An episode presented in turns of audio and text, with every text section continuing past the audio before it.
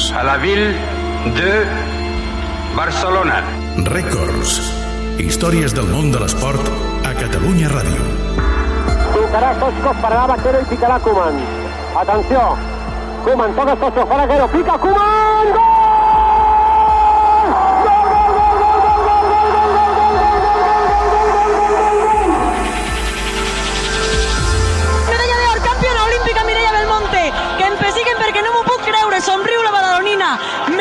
Campiona olímpica. Quina vegada Tamudo retalla! Gol, gol, gol, gol, gol, gol! Quin gol, quin gol, quin gol, quin gol! Murri, Murri, Murri, Murri, Murri, Murri! Ha estat Murri Tamudo! Ha estat Murri Tamudo! Records. Un programa del Departament d'Esports de Catalunya Ràdio amb el muntatge musical de Marc Peirón i Sergi Cotilles. Benvinguts a casa vostra. Apreteu-vos els cinturons, que ens ho passarem bé. La presidència de Josep Maria Bartomeu dura 6 anys, 9 mesos i 3 dies. Un període de trànsit entre el millor Barça de la història i la degradació d'un dels grans imperis futbolístics de tots els temps. Una etapa de govern tocada de mort pel Barça Gate que pot acabar amb un altre expresident del Barça a la presó. Comparec avui per comunicar la meva dimissió i la de la resta de la Junta Directiva. Aquesta és una decisió meditada, serena, consultada i acordada per tots els companys.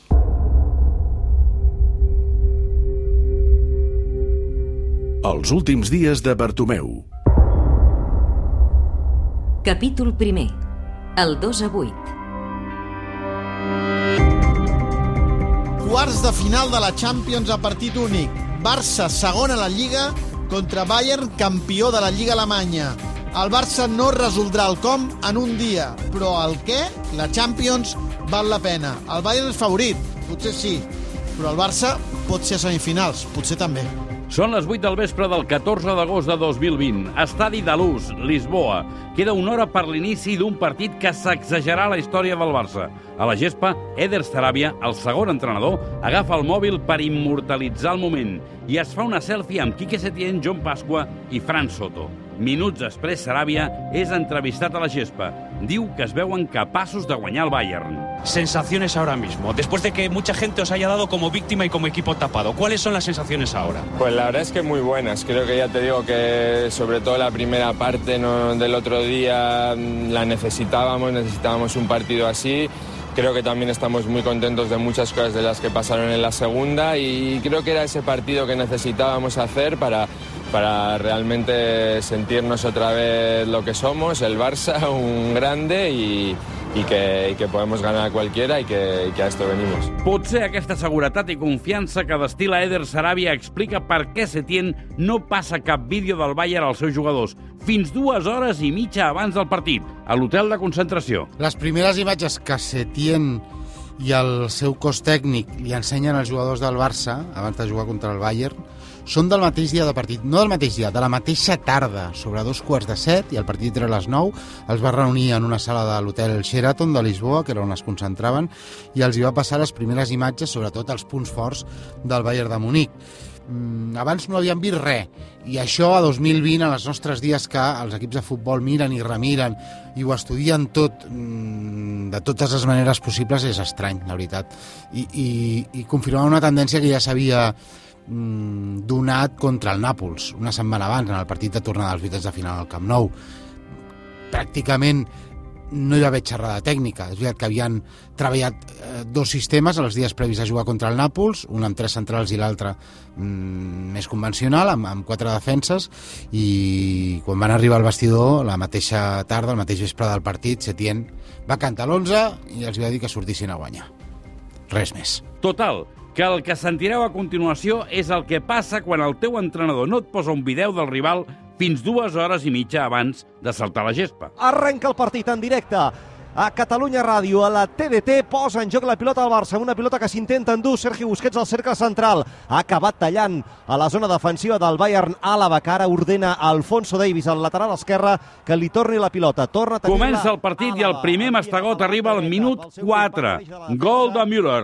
La reacció del Barça, però, és immediata. La té Jordi Alba, és a l'interior de l'àrea, la deixa per Suárez, autogol, autogol, autogol, autogol, autogol, autogol, autogol. Gol, gol, gol, gol, gol, gol, gol, gol, gol, gol, gol del Barça, se l'ha fet David Àlava. El Barça respon ràpid, pràcticament no han passat ni 3 minuts. Aquest gol obre una finestra d'esperança en el joc del Barça, amb una arribada que acaba amb un xut al pal de Messi. Però és un miratge. En només 9 minuts... Perisic fa xut, gol!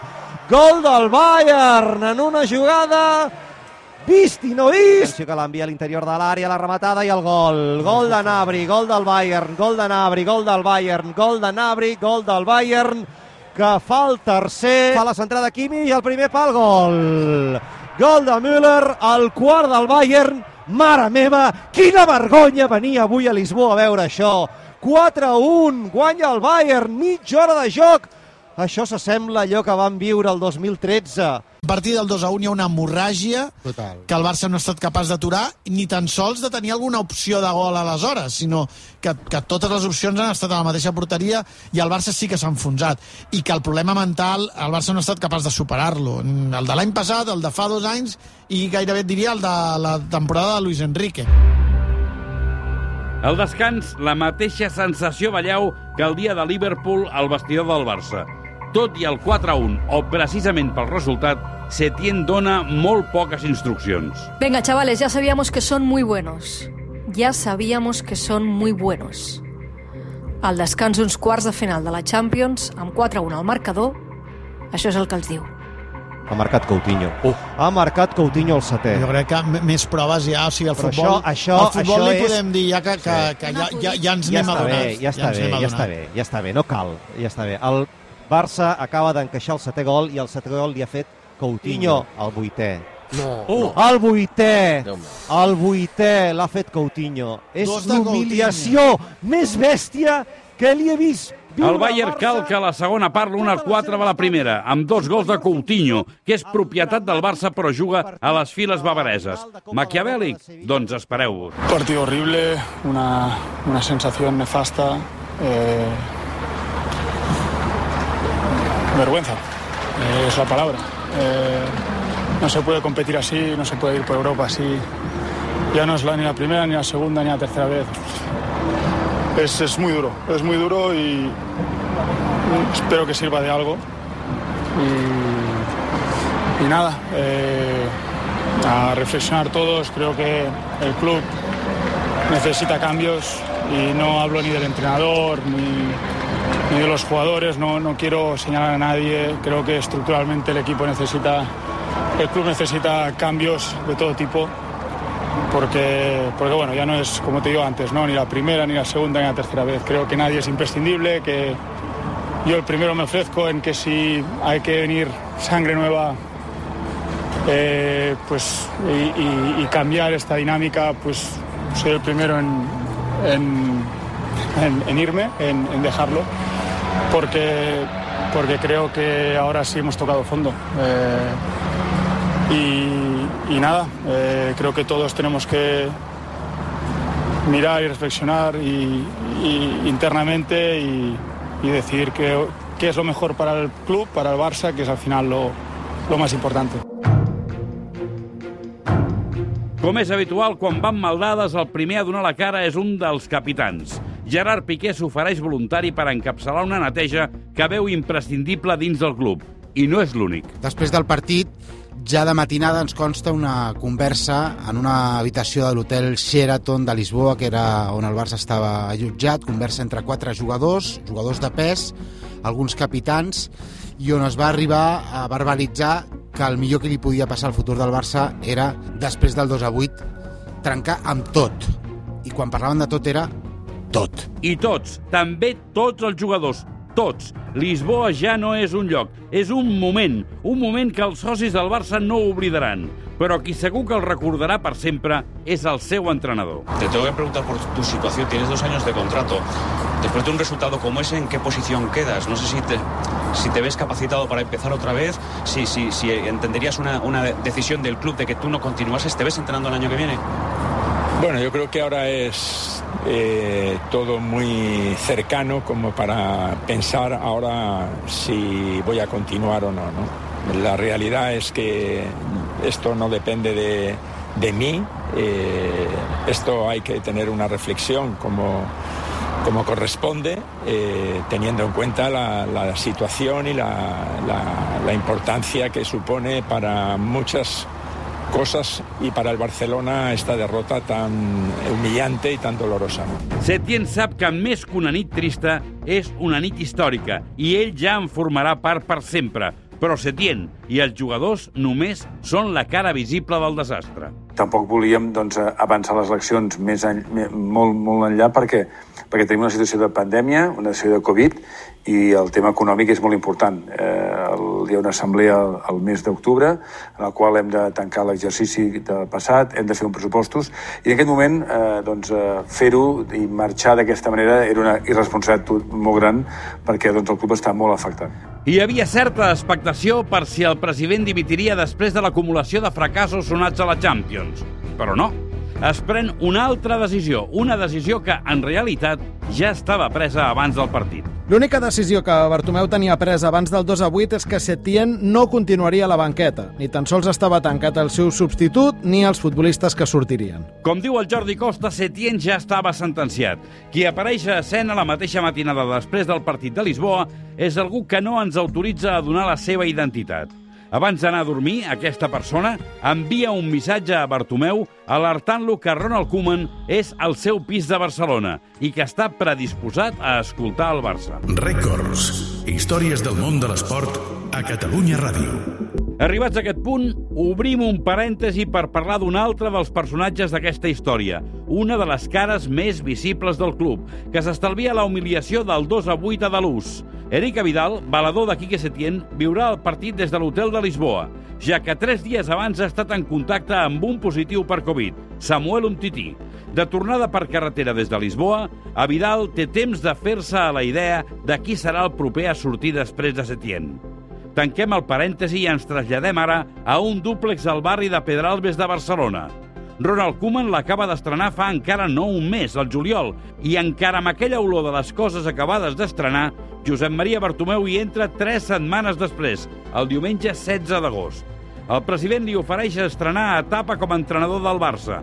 Koeman ja sabia les intencions de Bartomeu, però li demana dos dies per parlar-ho amb la selecció holandesa, encara que és pura retòrica dels tempos, perquè Koeman ja sap que en aquell contracte hi figura una clàusula de sortida per anar al Barça, i que anirà al Barça. Koeman i Bartomeu ja havien mantingut contacte abans, el desembre abans, encara amb Valverde a la banqueta, a través del seu representant, Rob Jansen, ja havien anat parlant i, de fet, havien arribat a un pacte on Koeman eh, aniria al Barça després de l'Eurocopa. Però com que finalment no hi ha Eurocopa, a l'estiu, per la pandèmia, Koeman es veu amb cor de trencar el compromís amb la selecció. Continuem.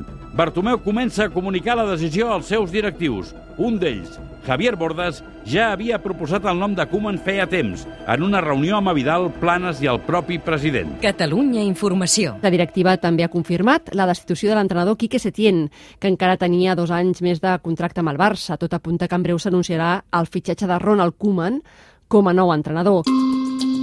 Bartomeu convoca amb urgència una extraordinària. Que és extraordinària ho notareu amb la durada. Entren per la porta a les 11 del matí i en surten més de 4 hores després si traiem l'estona de dinar. Aquesta és la primera decisió de tot un seguit de decisions en el marc d'una reestructuració profunda del primer equip de futbol que es durà a terme de manera consensuada entre l'actual secretaria tècnica i el nou entrenador que serà anunciat en els propers dies. S'acomiada Setién i Vidal serà l'encarregat d'explicar-li en un dinar mentre el club emet un comunicat fred sense desitjos de bona sort ni cap agraïment per la feina feta. I és que durant el confinament es trenca la relació entre jugadors i cos tècnic i en la represa els jugadors es converteixen en un poder paral·lel als entrenadors. Setién ha perdut l'autoritat i està venut i sentenciat ja abans del 2 a 8. Catalunya Informació. La directiva del Barça ha anunciat aquesta tarda que les eleccions a la presidència del club es faran en el primer partit que l'equip jugui al Camp Nou a partir del 15 de març de 2021. Així doncs, tot i la crisi esportiva i social que viu l'entitat, Josep Maria Bartomeu i la seva junta han decidit no avançar els comicis i acabar el mandat. La Junta intenta vestir de convocatòria avançada una convocatòria d'eleccions normal, quan toca a partir del 15 de març. No hi ha, per tant, avançament electoral. Records.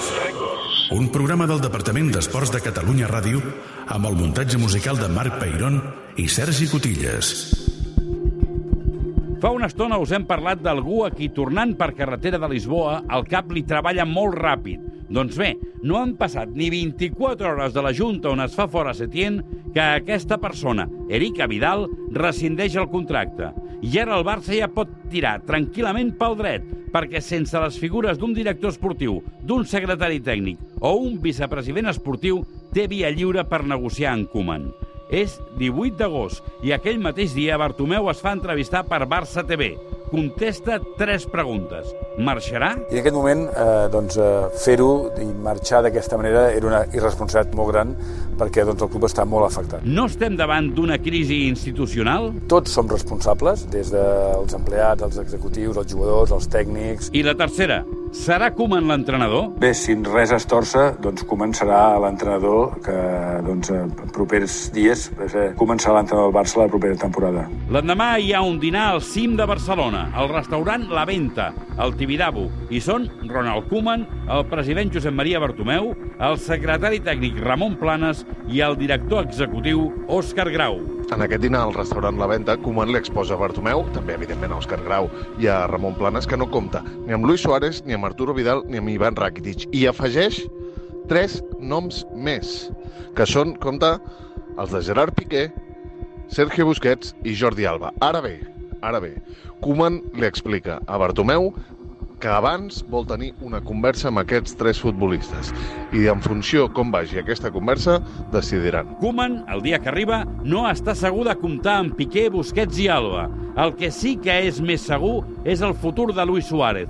Koeman no compta amb ell i és Bartomeu qui li aconsella a l'holandès que amb una trucada telefònica pot resoldre el tema, que a diferència de Messi, a qui vol convèncer perquè segueixi, amb Suárez no cal que hi quedi presencialment. Aquest és un moment del dinar a la venda que apareix en el documental sobre l'arribada de Koeman al Barça, produït per la plataforma de continguts holandesa Videoland. Yo quiero seguir con él, porque yo quiero que él siga como el mejor del mundo que es.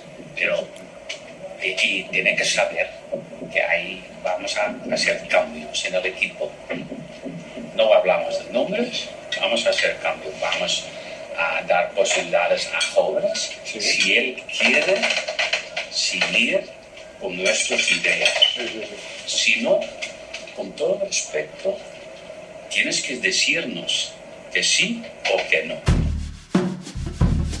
Poques hores més tard, Koeman és presentat com a nou entrenador. Òscar Grau, director general del Barça, tanca l'acord el dia abans i, segons la Vanguardia, paga entre 4 i 5 milions d'euros a la Federació Holandesa. Aquell 19 d'agost, Koeman també respon essencialment tres preguntes.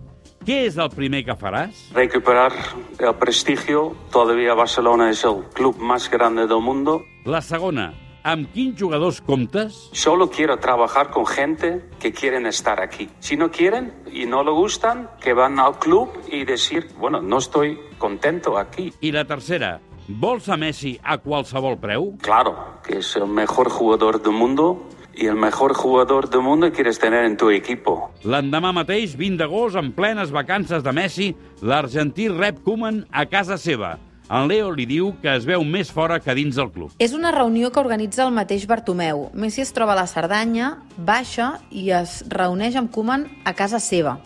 Abans de la reunió amb Koeman, Bartomeu, el mateix Koeman i Òscar Grau dinen junts i preparen la trobada amb Leo Messi. Bartomeu li dona un consell a Koeman. Cuando acabes la reunión, no hables con nadie. Messi, si salen cosas privadas, se enfadará mucho contigo. No me lo cuentes ni a mi ni a Planes.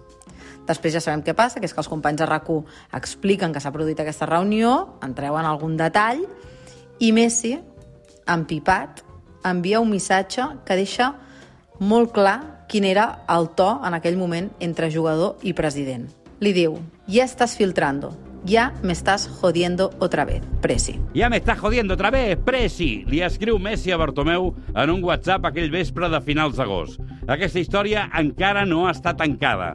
Koeman truca a Luis Suárez tal i com li recomana el president Bartomeu. El tercer màxim golejador de la història del Barça, rere Messi i César, s'assabenta per telèfon que no entra als plans a Ronald Koeman. I això que Suárez li diu que estava disposat a ser suplent per no marxar del club. Però no. Per a Koeman està definitivament fora. El fet de veure que la decisió ja estava presa i que Koeman no hagi anat presencialment a dir-li l'encén a més no poder. L'encén a ell i, de rebot, a Leo Messi. No és d'estranyar, per tant, que al cap de ben poques hores arribi un altre tsunami. Catalunya Informació. La decisió de Leo Messi de marxar del Barça, l'argentí ha enviat un burofax al Barça on informa que es vol acollir la clàusula del seu contracte que li permet rescindir la seva relació contractual de manera unilateral al final d'aquesta temporada. El Barça ha confirmat ja aquesta tarda que ha rebut aquesta sol·licitud, però assegura que la clàusula va caducar el mes de juny i que, per tant, si vol marxar haurà de presentar una oferta de traspàs. Aquest vespre, en el moment en què s'ha sabut la decisió de Messi, s'han començat a acostar les oficines del Barça alguns aficionats amb crits en contra de la Junta i demanant la dimissió del president, Josep Maria Bartomeu. Per cert, tot i que des del club no s'ha confirmat que hi ha cap reunió de la Junta Directiva, Bartomeu sí que hi, ha, sí que hi és a les oficines del Barça al Camp Nou. Per tant, la notícia és aquesta. Leo Messi vol marxar del Barça i el club blaugrana confirma que ha rebut aquesta sol·licitud. Han passat 11 dies del desastre de Lisboa i transcendeix que ja no és el primer cop que Messi li hauria demanat a Bartomeu de marxar. Però el fet que la temporada s'endarrereixi per culpa de la Covid anula la data del 10 de juny, que és el termini que Messi tenia per estripar unilateralment el seu contracte amb el Barça. Però quin és el camí que du el Burofax? Què es van dir Koeman i l'astre argentí quan van trobar-se? Quan va durar la reunió? Quin còctel de percepcions, fets i emocions dins del cap de Messi desemboquen en un burofax? La resposta a tot plegat la trobareu al següent capítol, al capítol 2 dels últims dies de Bartomeu. Coordinació del guió, Ernest Macià. Guió del capítol, Marta Carreras, Ramon Salmurri, Bernat Soler, Xavi Campos. Relat i veus, Pere Escobar, Dolors Martínez i Carles Dabó. Redacció, Ernest Macià, Marta Carreras, Sònia Gelmà, Jordi Costa, Ramon Salmurri, Bernat Soler, Jordi Borda i Xavi Campos.